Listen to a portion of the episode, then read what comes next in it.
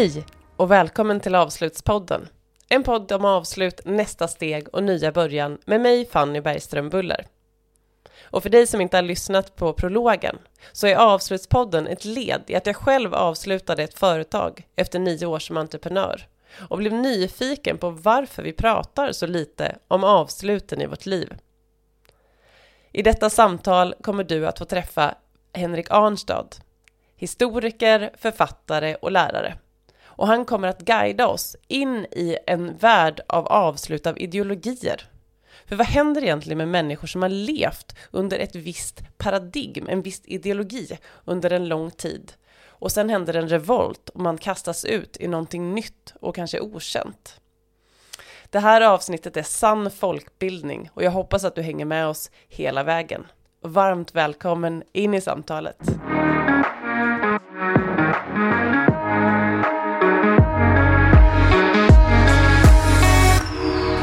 Hej Henrik Arnstad! Välkommen till Avslutspodden. Tack så mycket, tack för att jag får vara med.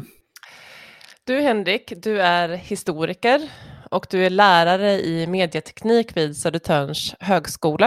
Eh, du är också författare och föreläsare och har bland annat skrivit böcker om, eh, som rör sig kring fascism eh, och demokrati, bland annat ska jag säga, för det finns fler böcker. Eh, och jag har bjudit in dig eh, för att prata om avslut i ett lite bredare liksom, ideologiskt perspektiv. Och det här var inget som jag tänkte på när jag liksom fick idén om att starta den här podden, eh, då tänkte jag kanske mer liksom avslutet i det lilla för den enskilda individen och vad som händer med, liksom, med mig när jag avslutar någonting. Men så slog det mig när jag har tittat eh, på tv och eh, följt nyheter till exempel under hösten och bland annat valet i USA, eh, så inser man att vi just nu lever också i en tid där ja, men saker som demokrati absolut inte är någonting som man ska ta för givet. Och i det så, så, blev det också, så började jag också tänka kring alla de människor som lever i vår värld idag och historiskt har Eh, levt eh, som under sitt liv har varit med om väldigt tydliga liksom, ideologiska avslut, att man har levt i ett samhälle eh, som under vissa premisser och sen så plötsligt så ändras allting ganska snabbt. Man avslutar någonting och går in i något helt nytt. Eh, och blev otroligt, liksom, mm, kände mig nyfiken och intresserad av det. Vad händer egentligen då med samhället och med individen i ett sådant avslut? Och därför har jag bjudit in dig, Henrik. Vad spännande. Mm, spännande ämne. Ja. Men först får du givetvis berätta lite mer om vem du är. Och, mm. eh, och jag är också jättenyfiken på varför du kom att intressera dig av just de här områdena som demokrati och liksom, ideologi och så. Jag är som, som forskare då är specialintresserad av någonting som kallas för ideologianalys, det vill säga hur man, hur man kan förstå de världsbilder vi har. En ideologi kan man säga är en sorts världsbild eller ett par glasögon man sätter på sig så tolkar man världen på ett speciellt sätt. Eh, och eh, det där kan sen då ha återverkningar i, i det dagliga livet i form av politik. Eh, det vill säga hur ska vi göra med det här beslutet? Men ideologi är någonting mycket mer än så. Det är ett sätt att tolka världen runt omkring oss med ett par politiska glasögon. Och ideologianalys är någonting som eh, är ganska ovanligt i den svenska akademin också. Eh, så just därför har jag, har jag intresserat mig för två jättestora breda ideologier. Först och som du nämnde fascism. 2013 kom en bok, Älskade fascism, de svartbruna rörelsernas ideologi och historia. Och 2018 kom en stora bok om demokrati, den demokratiska hatade demokrati. Eh, de inkluderande rörelsernas ideologi och historia. Och jag har även tittat väldigt mycket på rasistisk ideologi också, som eh, hur, hur man, och optimism som ideologi. Så att jag, jag är väldigt intresserad av ideologianalys. Kan man också säga att historiker, vad är en historiker för något? Vad sysslar en historiker med? Då tänker man kanske på så Herman Lindqvist som talar om hur det var förr. Hur var det förr då? Det här är inte riktigt historievetenskap. Alltså historievetenskap kan man säga är det vetenskapliga studiet av förändring. Hur förändras saker och ting? Och saker och ting förändras ju naturligtvis över tid. Eh, och även icke-förändring, det vill säga kontinuitet i en typ av, av förändring. Varför förändras inte vissa saker och så vidare. Eh, så det kan vara, kan vara bra att ha i bakhuvudet när vi pratar idag, att, att, att en eh, akademisk historiker, en historievetenskapare, sysslar med det vetenskapliga studiet av förändring och kanske inte så mycket med vilka typer av bullar åt man på 1780-talet. Så, och jag tänker, när började det här intresset för dig? Det är ju eh, något, det känns ju som sagt som väldigt stora områden. När förstår man att man kan forska på ideologi och Ja, jag, jag jobbade i 11 år med en jättestor bok som kom 2006 om Sveriges utrikespolitik under andra världskriget. Eh, spelaren Christian Günther heter den. Han är en politisk biografi om Sveriges utrikesminister under kriget. Och under det arbetet så kom jag oundvikligen i kontakt med nazism, nazistisk ideologi och eh, nazismen och fascismen och sånt där. Och det där födde då ett intresse eh, som, eh, angående historiska ansvarsfrågor. Hur, hur, är, hur fungerar skuld och ansvar i historien? Vilket då ledde in mig på, på att skriva den här jättestora boken om fascistisk ideologi. Så gick det till. Och apropå fascistisk ideologi, jag tänker det är ju en ideologi som har präglat eh, vissa samhällen eh, tydligt. Jag tänker det finns många fler. Eh, men det är ju andra världskriget och det som hände i Nazityskland är ju ett sådant exempel på som de flesta känner till väl. Jag tänker där är ju ett exempel där människor levde liksom i, en, i en, ett samhälle och sen så liksom långsamt glider man in i någonting nytt och sen så tar det slut. Kan du guida oss lite tillbaka i historien? Vad, vad händer med ett eh, samhälle eh, som, eh, där man går liksom från en ideologi till en annan? Hur sker det ens? Man brukar kalla det för paradigmskifte i, i, i forskningen. Hur sker ett sånt här paradigmskifte?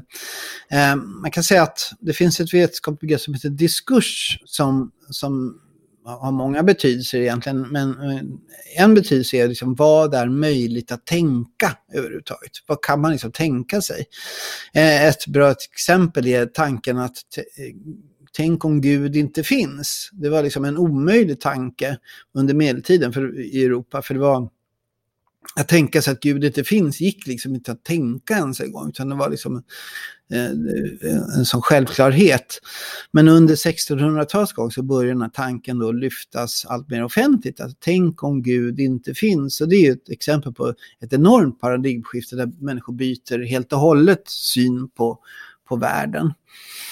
Eh, man kan säga om, om fascismen som sådan så är det en revolutionär ideologi och inte, då menar jag inte revolutionär att man ska rusa in i parlamentet med dragna revolvrar och sånt där. och göra revolution på det sättet.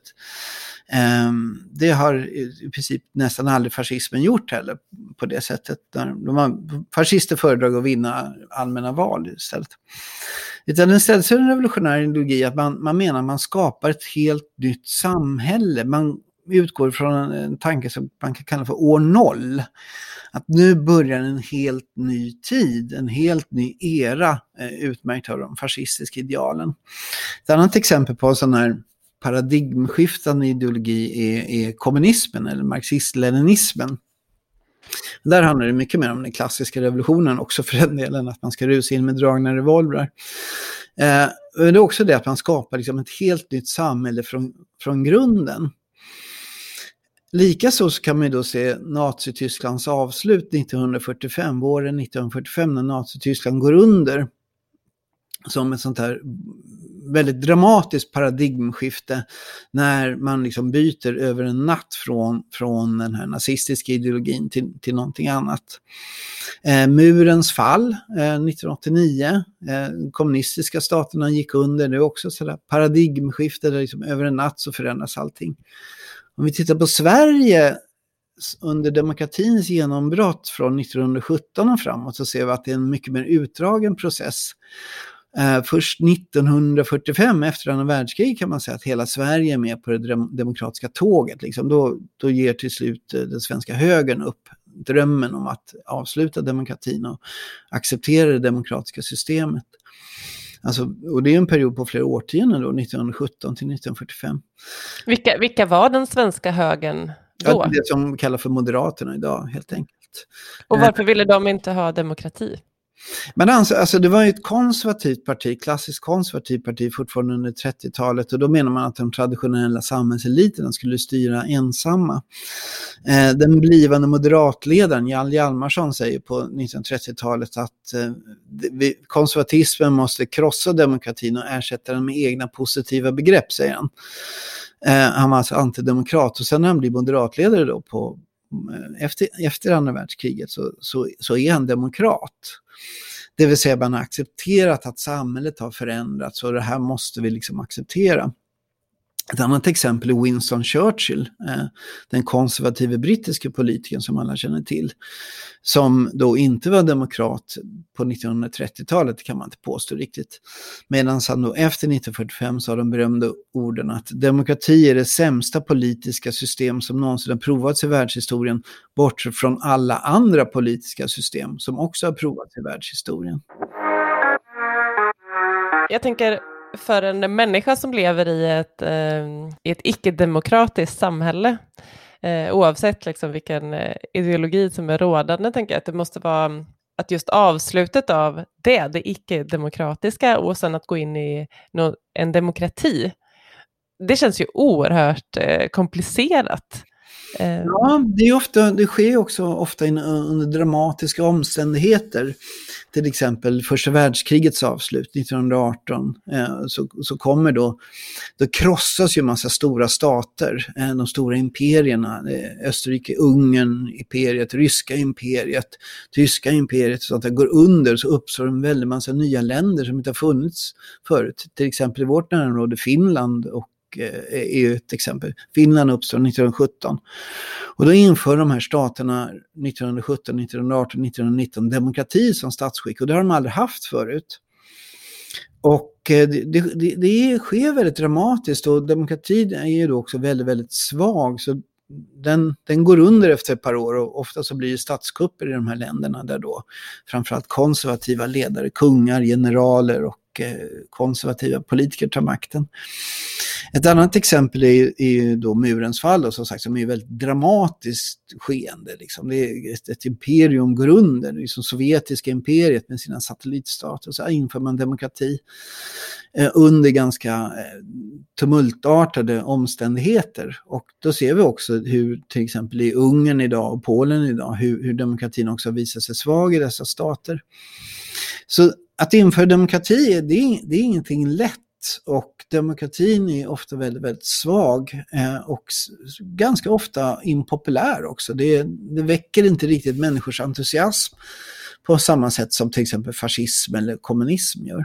Är det för att eh, fascismen och kommunismen har liksom starkare, vad ska man säga, eh, är, de, är det lättare att kommunicera, är de tydligare i sitt språk eller vad är det som... Jag brukar sammanfatta de här ideologierna med, som politiska religioner. Eh, om du har försökt prata med en sverigedemokrat en gång och liksom försökt liksom argumentera och, och kommunicera med en sverigedemokrat så märker du efter ett tag att det går liksom inte. Personen lyssnar inte utan är så liksom inne i en världsbild som som inte går att liksom lyfta på locket på. Eh, och det här har då jämförts med en religiös väckelse eller en religiös frälsning så att säga. Att den här Sverigedemokraterna har sett ljuset och eh, eh det som man försöker diskutera med en bokstavstroende religiös människa liksom, som hela tiden pekar på Bibeln och säger här finns alla svar och du hädar. Eller om du försöker eh, till exempel diskutera med en bokstavstroende marxist, leninist, sådär, liksom, som hela tiden hänvisar till Marx tänkande som förklaring på allting. Och de här politiska religionerna, det här, där säger också Mussolini till exempel när man skapar eh, fascistiska Italien på 1920-talet att vår rörelse har drabbat Italien som en ny religion. Att eh, det här, en religiös väckelse innebär ju liksom en, en enormt härlig känsla för de som råkar ut för den. Liksom helt plötsligt så har man svaren och allting är tydligt. Och vi tillsammans skapar det här nya fantastiska. Eh, fascismen är en väldigt optimistisk ideologi. Det är väldigt roligt och trevligt att vara fascist helt enkelt. För man, har liksom, man skapar någonting nytt, fantastiskt, kollektivt tillsammans. Sen har ju då nackdelen att det är en ondskefull ideologi, att det, människor råkar väldigt illa ut i det här också. Men för den som är inkluderad i fascismen och den som är med i fascismen och den som ja, sätter på sig den här uniformen eller den här, antar den här skepnaden, så är det en ganska trevlig upplevelse. Och därav den entusiasm, det är därav min bok då också heter Älskade fascism, att, att det är en underbart eh, trevlig upplevelse. Däremot demokrati, min bok heter, om demokrati heter ju Du hatade demokrati. Demokrati är jobbigt, man måste kompromissa, man måste prata, man måste diskutera, man måste komma, försöka komma överens och så vidare.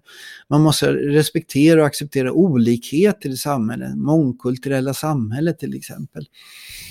Eh, Därav att demokrati sällan upplevs som lika fantastiskt av sina anhängare som till exempel fascism eller kommunism gör.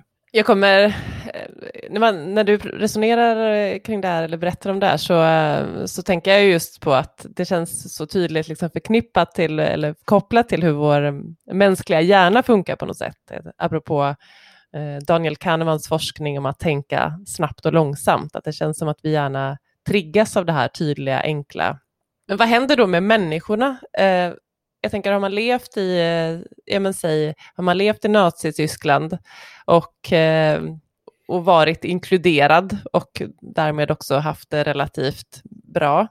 Eh, och sen så plötsligt liksom störtas hela det här liksom ideologiska systemet. Vet man någonting om liksom människornas upplevelse av den processen? Ja, vi vet ganska mycket om det. Det har tittats ganska mycket på det. Alltså tyska, om man tar den här tysk, tyskarna, alltså de, de ariska germanerna, de som var inkluderade i den nazityska rasistiska staten som då såg, såg dem som renblodiga arier. De gick ju då sekundsnabbt från att vara liksom världshistoriens mest fantastiska varelse någonsin master race, alltså över Übermensch, eh, fantastiska, eh, vilket då eh, fick veta att de var under Nazitysklands existens 1933 till 1945. Så gick de sekundsnabbt till att vara världshistoriens värsta avskum. Eh, världen var ju då överens om att det här vidriga Nazityskland, nu har vi krossat det här vidriga Nazityskland och, och tyskar är vidriga människor. Vi borde bomba tillbaka dem till stenåldern så att de aldrig mer kunde liksom lyfta en...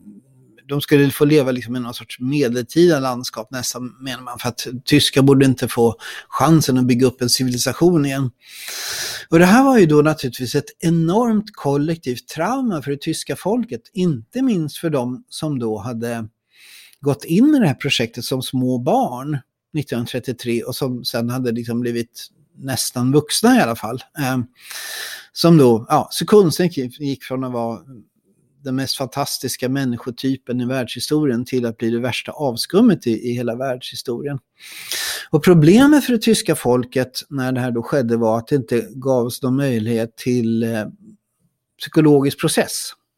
Det var inte så att man fick bearbeta sorgen, för att det här var ju då ett sorgarbete för de som tvingades gå igenom det.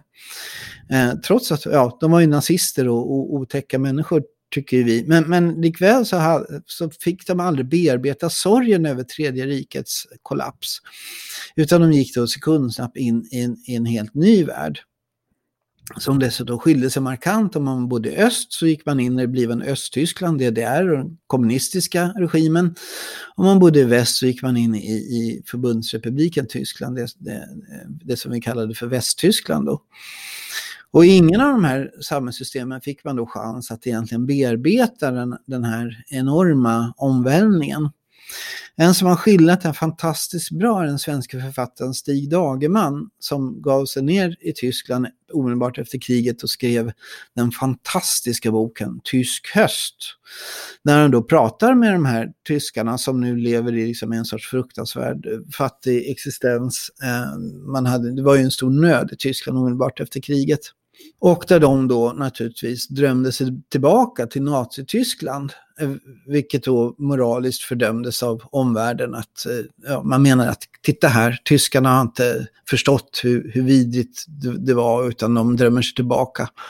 Och Stig Dagerman, som ju då absolut inte var nazist, utan antinazist, eh, men ändå en klok och tänkande människa, han sa att Man frågar en drunknande person om man hade det bättre när han stod på land och den drunknande personen svarar ja. Man frågar en tysk om man hade det bättre under Nazityskland och Hitler än nu och han svarar ja. Och eh, att fördöma detta är att inte sätta sig in i mänskliga villkor. Nu kan vi ju naturligtvis inflika att det var ju ännu värre naturligtvis alla de miljoner judar som till exempel dog i förintelsen och att, att det, fanns liksom, det fanns ju en kollektiv skuld som det tyska folket var tvungna att, att hantera. Men lik, likväl så, så finns det då ett enormt psykologiskt trauma i Nazitysklands fall som det tog väldigt, väldigt långt för Tyskland att hantera. Kanske ända fram till murens fall 1989-1990, det vill säga ungefär 50 år. Jag tänker på det du mm, pratar om, jag tänker den här kollektiva skulden. Och det är ju någonting som eh, eh, man förstår att någonstans finns det i den, jag vet inte om man kan tala om en tysk folksjäl, men alltså det ligger liksom på något sätt eh, med i, eh, i, i, tyska människors medvetande. Än så länge i varje fall är det ju inte så långt borta. Eh, jag tänker hur har man, och jag tänker också den relationen med alla de människor som, eh, som dog, eller inte de just specifikt, men de eh, judarna, romerna, alla homosexuella, alla som, eh, liksom, som man mördade under den här perioden. Jag tänker med de olika grupperna, vad, vad har hänt i den liksom, processen? Det har hänt väldigt intressanta saker. Uh, um en personlig vän till mig, Katrin Himmler, statsvetare i, i Tyskland, hon har skrivit en fantastisk bok om sin farfars brödraskara som inkluderade Heinrich Himmler, SS-chefen. Och Katrin Himmler har inte bytt inte namn till exempel. Det hade man ju kunnat tänka, tänka sig att hon skulle gjort. Utan hon har istället försökt konfrontera den här familjehistorien. Och det här var liksom ett nationellt tyst projekt som gav ju upphov till exempel en speciell litteraturform som kallas för faterslitteratur, det vill säga pappalitteratur. Där då en, ett barn eller ett barnbarn liksom upptäcker sin anfaders eh, an, eh, engagemang i det nazityska projektet och försöker på något sätt hantera det. Det har gjorts filmer och det har gjorts all, alla möjliga former av populärkultur kring, kring det här. Och det är väldigt, väldigt givande och jag själv har då skrivit en bok om detta som heter Skyldig till skuld, en europeisk resa i Nazitysklands skugga. Den kom 2009. Det är den bok som jag har skrivit som jag själv tycker bäst om förresten. Eh, där jag då försöker han, undersöka hur de före detta axelmakterna har hanterat sitt historiska ansvar. Och det tittar på Finland, Tyskland, Italien och Japan. Eh, och där ser man hur, hur, hur, enormt de här länderna skiljer sig åt. Tyskland blev ju då tvingat av ockupationsmakterna att hantera sin, eh, sin skuld. Man hade avnazifieringsprojekt där man till exempel tvingade tyska människor att se journalfilmer från koncentrationslägren och förintelselägren.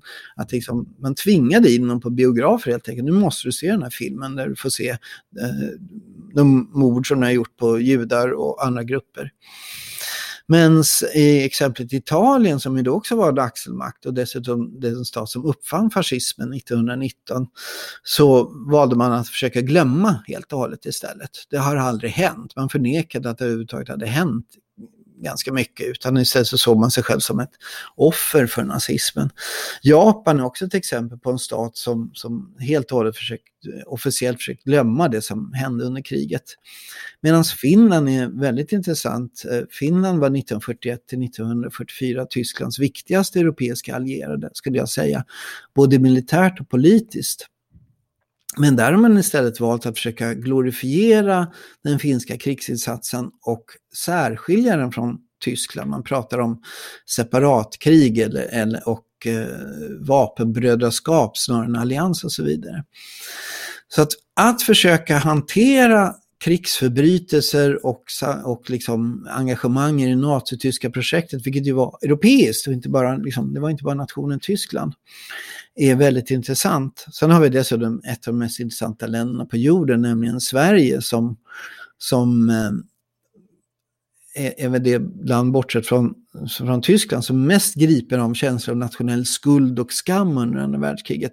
Trots att vi inte ens var med i andra världskriget. Det är superintressant, det svenska exemplet. Hur bra är Sverige egentligen på att avsluta och liksom eh, på något sätt eh, titta tillbaka och ta ansvar för förtryck man har... Sverige? Mm. Ja, vi, vi, jag skulle säga att Sverige är bäst, bäst i världen på det där. uh, vi, Sverige är väldigt förtjust i det som kallas, som i svenskt språk kallas för vår mörka historia som vi föredrar att tala tyst om. Vilket är lite märkligt uttryck eftersom inga, sven, inga som svenskar älskar tv-program och böcker och allt möjligt om, om just de här, den mörka historien som vi föredrar att tala tyst om är ett favoritämne i svensk, eh, svensk diskurs. Eh, Sverige är väldigt bra på det där att liksom erkänna, vi hade till exempel den här slavkolonin på Sankt Bartolomé i, i Västindien, det lyfts fram hela tiden. Eh, Sveriges relation till förintelsen lyfts fram hela tiden, Tågen känner alla eh, till. Alla känner till handeln med Nazityskland och så vidare baksidan av den här är att svenskar generellt sett inte känner till att Sverige var det första landet i världen som försökte aktivt sabotera förintelsen och som räddade flest judar i hela världen undan förintelsen också. Det där passar inte in i det här skuld och skamkomplexet som, som Sverige drar på. En tysk forskare kallar för mea culpa Sverige, liksom det här att vi ska be om ursäkt och vi ska vara medvetna om skam och skuld om vår historia. Och då får det inte plats sådana såna historiska sanningar som det här till exempel det enorma räddningsprojektet som Sverige genomförde eh, angående judar under förintelsen, när man räddade judar. Men hellre bo i ett sådant land än, än att bo i ett land där man då aktivt förnekar och glömmer eh, sitt eh, historiska ansvar. Och då kan jag också komma in på det lite snabbt, att, att jag skiljer alltså på historisk skuld och historiskt ansvar. Det vill säga, du ärver inte skulden från dina anfäder. Men vad man däremot ärver är ett ansvar. Om till exempel mitt välstånd beror på omoraliska handlingar från mina förfäder gjorde, kolonialismen ett bra exempel till exempel. Att vi i västvärlden har det väldigt bra jämfört med övriga världen, mycket beroende på att vi har kolonialistiskt utnyttjat övriga världen. Så har man ett ansvar som människa att vara medveten om detta och agera utifrån detta.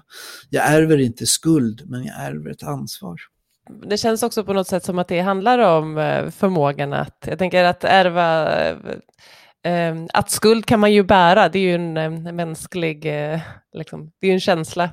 Ehm, men ehm, jag tänker som du beskrev din vän, liksom, som har eh, släktingar som har agerat i Nazityskland på ett sätt som inte, som man kanske verkligen eh, skäms för och känner skuld för, gissar jag. Men jag tänker någonstans så kanske det också handlar om den liksom, individens förmåga till att, att på något sätt göra avslut och eh, ta ansvar.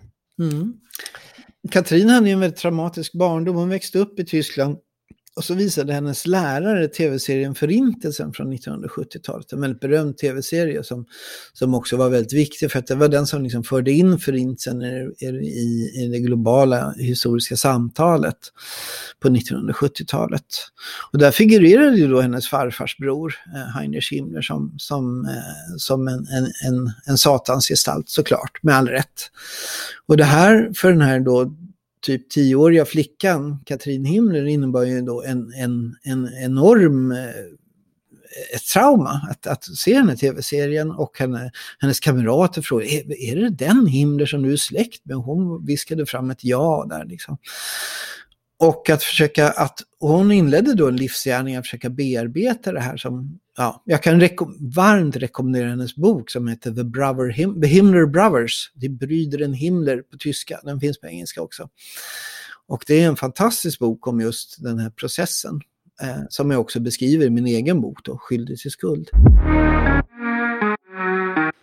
Jag tänker idag så, så um är ju demokratin mer turbulent än den kanske varit eh, på åtminstone 20, 20 år, 30 år. Eh, det känns ju, jag tror många av oss fortfarande lever i, i, i på någon sorts så här, trygga i att vi tänker att demokrati är liksom det rådande systemet. Eh, men, eh, men det finns ju absolut liksom tendenser, aktörer, eh, ideologier som försöker att eh, i vissa, många fall nyttja demokratin för att liksom ta, ta makt som kanske inte är så demokratiskt i det långa loppet. Vad, vad tänker du när du liksom tittar dig runt i världen idag? Vad, vad tänker du om man liksom har med sig de historiska glasögonen? Ja, jag ser inget hopp för demokratins överlevnad överhuvudtaget. Um, jag har väldigt svårt att se hur demokratin ska kunna överleva. Eh, det enda hopp jag har fått nu så var ju resultatet av presidentvalet i USA. Där då den här antidemokratiska presidenten Trump, som ju då också har fått USA nedvärderat av internationella demokratiinstitut från, från eh, status full demokrati till idag eh, eh utsatt demokrati. Eh, som det är liksom en lägre nivå av demokrati än förut.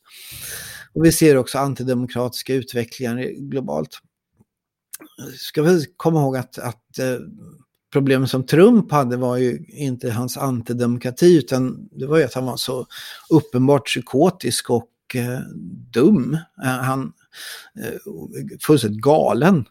Eh, men det är ändå nästan 50 procent av amerikanerna röstade ju på honom trots att han är en så uppenbart psykotisk, eh, paranoid galning. Och det visar just hur stark antidemokratin är, i världen idag. Vi, eh, eh, vi, ser en väldigt stark antidemokratisk utveckling i Sverige, inte bara då utifrån att vi har världens största parti med direkt nazistiska rötter, eh, Sverigedemokraterna. Eh, som ligger och simmar på ungefär 20 procent. Inget annat parti med nazistiska rötter har ens i närheten av sådana siffror globalt. Eh, men också där vi ser hur de traditionella partierna för att möta Sverigedemokraterna också rör sig i en antidemokratisk riktning. Eh, vad vi behöver då påminnas om är ju för det första, vad är då demokrati? Kommer vi inte få gå och rösta i framtiden? Jo, det kommer vi med all säkerhet få gå och göra. Eh, det är inte så antidemokrati fungerar idag. Eh, om man ser till exempel på Ungern och Polen, eh, framförallt Ungern då som har avskaffat demokratin även nästan officiellt, så får man fortfarande gå, gå och rösta. Utan det vi ser är någon sorts utveckling mot majoritetens tyranni eller majoritetens diktatur, eller de 51 procentens diktatur. När majoritetssamhällena globalt förtrycker och oblygt trycker ner eh, utsatta minoriteter. Traditionellt har det alltid, eh, oftast handlat om, om judar och om svarta. Men idag har det seglat upp en, en ny grupp, då, eh, muslimerna, som, som är då oerhört utsatta för antidemokratiskt förtryck och eh, eh, inte, in, inte ges de rättigheter som, som sam, eh, samhälls, demokratiska samhällen ger människor. För demokrati kan nämligen sammanfattas i ett enda ord, nämligen inkludering. Inkludering är nyckelordet i demokratisk ideologi. En demokrati inkluderar människor maximalt medan en icke-demokrati eller antidemokrati aktivt exkluderar människor. Och där kommer det in sådana saker som till exempel det mångkulturella samhället, att en demokrati är per definition mångkulturell eftersom i en demokrati får man vara får man välja att vara precis som man vill vara. Eh, så länge man inte bryter mot, mot lagen som då ska vara lika för alla dessutom. En lag som gäller mig som vit medelklass-svensk ska gälla även för en svart, eh, eh svart svensk till exempel. Eller muslimsk svensk eller vad man nu kan vara för någonting. HBTQ och så vidare. Och det här ifrågasätts väldigt, väldigt aktivt och politiskt. Man menar att, att, man måste att alla måste assimileras, man måste ansluta sig till någon sorts imaginär majoritetskultur. Vad som hände på 1960-talet var nämligen att eh, tidigare så hade rasistiska krafter sagt att vi måste stoppa den livsfarliga rasblandningen för, eh, och idag säger man att man måste stoppa den livsfarliga kulturblandningen. Man har bytt ut ordet ras mot kultur. Men, men det betyder samma sak, en sorts tanke om att samhällen ska vara ren, det rena samhället.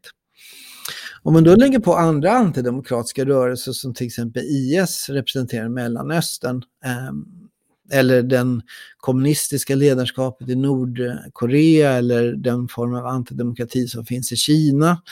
Eller putinismen i Ryssland som är en sorts auktoritärt konservativ antidemokrati så har vi väldigt, väldigt svårt att någonstans i världen se eh, demokratiskt ledarskap eller demokratisk pånyttfödelse eller demokratisk inspiration. Och det här leder mig då till tanken att demokratin är på väg att gå under globalt. Det lät för muntert, eller hur?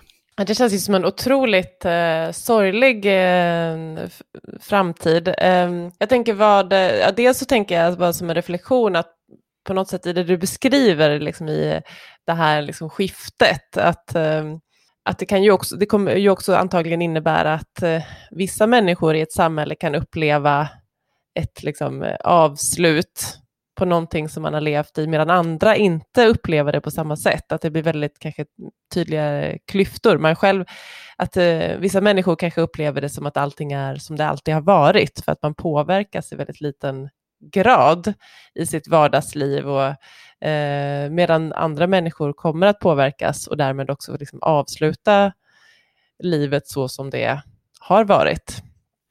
Det, det kommer eh, någonting som typiskt sådär händelser är också att livet går ju vidare. Liksom, man måste gå till jobbet och tjäna pengar för att kunna betala hyra och mat till barnen och ungarna ska ha blöjor och nya kläder och vad ska vi laga till middag. Liksom, hela den här vardagstillvaron är, är for, livet går alltid vidare. Det finns intressant forskning till exempel om när Norge ockuperades av Nazityskland 9 april 1940 att trots då att det helt plötsligt då byter från att vara en fri demokratisk stat så blir det liksom en ockuperad naziststat under, under eh, Vidkun Quislings statschefsledning. Norska nazistpartiet tar över. Så fortsatte ändå livet och det här det här kommer vi se även om Sverige då tar steget från demokrati till antidemokrati. Så vad som kommer hända hända är att liksom vissa av dina kollegor kommer få sparken och eh, så kommer man liksom att mumla om det, kanske lite tysthet och sånt där. Men för den stora, ja, så muslimer kommer inte få, deras moskéer kommer att stängas och judars synagogor kanske råkar illa ut och så vidare. Eh, men på det stora hela kommer livet gå vidare ganska, eh, ganska som vi är vana vid och vi vet från sådana här omläggningar från demokrati till antidemokrati att de upplevs ofta av omgivningen som mindre dramatiska än, än den motsatta omvälvningen. Eh, när, när, liksom demokrati, när demokrati blir till. Eh, så det finns väldigt mycket så märkliga aspekter av, av sådana här processer, hur de går till. Men likväl att liksom befinna sig i en ny, en ny liksom omvärld, en ny situation. Man kan säga att antidemokrati mår väldigt bra av pessimism och dystopier. Medan demokrati mår alltid bra av optimism och eh, utopier. Så ett bra sätt att titta på liksom, vart ett samhälle är på väg någonting, det är att gå på bio. Vad, vad, vad visar science fiction-filmerna för någonting? Liksom? Eh, på 60-talet så kunde man se till exempel Star Trek, tv-serien Star Trek hade premiär då, som visade en optimistisk bild av framtiden där alla krig på jorden var över och ingen svalt längre och där man hade, hade liksom ett gott och fint demokratiskt samhälle. Och det var liksom en tid när demokratin var som kraftigast, som en slagkraftig.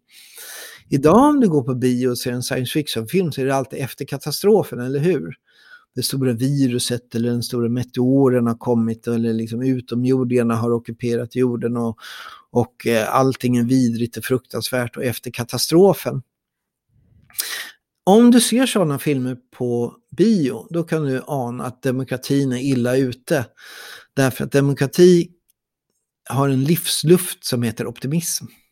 Om man då eh, på något sätt eh, som individ vill göra någonting, att inte bara stå handfallen och se liksom, antidemokratin eh, smeta ut sig över världen.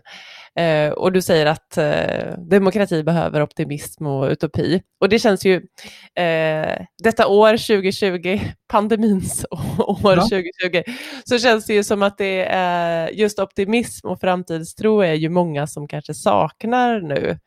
Eh, man är trött. Eh, det har hänt många liksom, so saker för många människor på det personliga planet. Man kanske har förlorat jobb eller anhöriga och eh, man får inte träffa människor och sådär.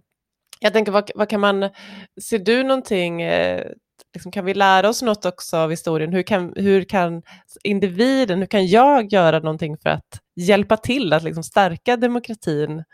Eh, om jag är liksom, står här angelägen om att det ska vara någonting som fortsatt är starkt. Ja, på kort sikt så kan du göra liksom de nödvändiga saker som att liksom säga emot när faster börjar orera rasistiskt på julfesten nu till exempel. Ja, du vet ju de är fruktansvärda som kommer till Sverige. Så att säga emot och att liksom stå upp för demokratin och, och, och dina ideal. Att våga liksom ta konflikter och våga, eh, våga vara en aktiv demokrat och så vidare och så vidare. Och vara en snäll människa, men det är ju du så bra på ändå. Eh, och rolig. Ja. Eh, men på lång sikt så är det bästa motståndet just att vara optimist. Nej, liksom, ja du, fruktansvärt, brottsligheten ökar ju någonting fruktansvärt i Sverige. Nej, den minskar faktiskt. Vi vet att den minskar och att, att det faktiskt bara blir bättre och bättre. Ja, den här fruktansvärda pandemin. Ja, den är fruktansvärd, men vi hade en likadan pandemi som var ännu värre 1957 och, och då lyckades vi ändå bygga en, liksom ett starkt och bra demokratiskt Sverige utifrån, vi kunde se framåt och så vidare. Så att, att våga vara optimist, alltså min, min stora bok om demokrati slutar efter flera hundra sidor med orden att, att efter alla dessa teoristudier och demokratisk teori och demokratisk praktik och så vidare så landar jag i en enda tanke. Vore det inte bättre om vi var lite hyggliga mot varandra? Och det där finns ju liksom i, i, i grunden i det demokratiska samhället är också en tanke om det goda samhället. Att vi faktiskt är lite schyssta mot varandra och att man liksom inte försöker misstolka varandra åt det värsta utan att när man liksom är uppmuntrande och glad mot medmänniskor och, och, där man liksom kan se, jaha, du är på det här, du är muslim eller du är jude eller du är, och jag är det här, jag är svart eller vad jag nu är. Eh, Martin Luther King sa en gång om USA att vi må alla kommit i olika båtar. Vi må alla kommit hit i olika skepp, men vi sitter i samma båt nu, sa han. Då syftar han på att vissa liksom kommer i så migrantbåtar på 1800 och 1900-talet, andra kommer i slavskepp. Eh, kidnappade i Afrika och förda med våld till Amerika för att arbeta som slavar på bomullsplantager. Vi må ha kommit hit i olika skepp, men vi sitter i samma båt nu. Och så pratar han alltid om oss tillsammans. Och, så, och pratar inte om vi och dem, utan pratar om oss båda. Alla sådana där saker för att liksom försöka få en gemenskapskänsla i samhället och en optimism och en tanke om att vi faktiskt kan skapa en bättre värld tillsammans. Då kommer demokratin som ett brev på posten, om nu brev kommer på posten. ja, det kanske inte är jättelämpligt att ta just posten som, som exempel. Mm. Då känns demokratin ytterst hotad. Ja. Nej men ja, det, jag tänker att det jag är själv en optimist, men jag har känt de eh, senaste åren så börjar man, det är lätt också att börja liksom fundera kring om man är väl optimistisk när man tror att saker faktiskt kan förändras. Men det känns eh, fint att höra dig säga detta. Ja, jag, jag, tror att du gör en viktig insats. Alltså, jag hade ju dig som student på min kurs nu i, i år om, om Eh, att, att, skriva för interaktiva medier. Och liksom, hela din, liksom, din närvaro på den här kursen, det är märkligt hur sånt här kan gå fram liksom, via liksom, eh, ettor och nollor digitalt, för det var ju en distanskurs, så utstrålar du liksom en sorts positivism och en sorts livsglädje som är väldigt svår att sätta fingret på. Du, du berörde mig på något konstigt sätt trots att vi aldrig såg varandra. Du är en fin och vacker människa och du ska fortsätta med den fantastiska livsinsats du gör för oss andra medmänniskor. Tack Henrik, det var väldigt fint och jag tänker att du eh, gör ju också en otrolig insats. Det här är ju, jag tänker att det är så många som behöver lyssna på det här eh, samtalet. För att jag tänker att det är alldeles eh, för lätt ibland att ja, men lite grann vända blicken eller inte orka liksom, fundera kring vad historien egentligen har med vår nutid att göra. för att rädda liksom demokratin, det enda som krävs är liksom att, att vi alla får in det i huvudet. Det är ju ingen naturlag att demokratin ska gå under naturligtvis. Om vi alla får in det i huvudet att vi ska skapa det goda samhället där alla människor är inkluderade på lika villkor och där vi liksom lyfter upp varandra istället för att trycka ner varandra och där vi slutar hata varandra på Twitter och så vidare. Så kommer det bara säga plupp och så räddar vi demokratin. Och då ska vi också se att, att sådana saker som klimatförändringar och sånt där blir också mycket lättare att göra någonting åt här, för då kan man ha en konsensus om att vi gör någonting åt det här. Eh, det ser väldigt, väldigt mörkt ut i världen idag. Jag säger själv att jag inte ser något hopp för demokratin framöver. Men det ska jag liksom rätta mig själv lite grann och säga att jo, hoppet är att det kan bara säga plupp och så förändras allting. Och vi ser en ny optimism spira och eh, vi går en bättre värld till mötes allihopa och det är det vi får sikta mot. Tack. Och då ska jag också ställa en fråga till dig som jag har ställt till alla personer som gästat podden. Har du någonting, jag tänker om, vi, om man nu tänker att avslut faktiskt är början på någonting nytt. Vad ska du avsluta under året som kommer? Jo, jag, eh, jag, varje år så går jag en universitetskurs, det livslånga lärandet. Och det tycker jag att alla borde göra, för det är faktiskt gratis i Sverige att gå universitetskurser. Och nu går jag en universitetskurs i museididaktik, museipedagogik. Så jag tänkte jag skulle liksom försöka eh, ge mig in djupare i museivärlden för det är så himla spännande. Jag har också jobbat på Vasamuseet som informatör där. Jag gillar museivärlden. Och sen så har jag gått djupare in i videoredigering eh, för att det tycker jag är himla roligt. Det låter bra. Och om man vill eh, komma i kontakt med dig och eh, prata med dig eller eh, på något annat sätt få utbyte av din kunskap, eh, hur gör man då? Då går man in på min företagsblogg som man hittar på www.tricorder.se, tricorder.se, tricorder med C i mitten, tricorder. Eh, och för den som kan sin Star Trek så vet alla dessa vad en tricorder är för någonting. Och ni som inte vet vad en tricorder är i Star Trek, ni får googla det. Okej, då måste jag googla. Tack så mycket Henrik. Det var jättespännande att samtala med dig. Thanks for having me.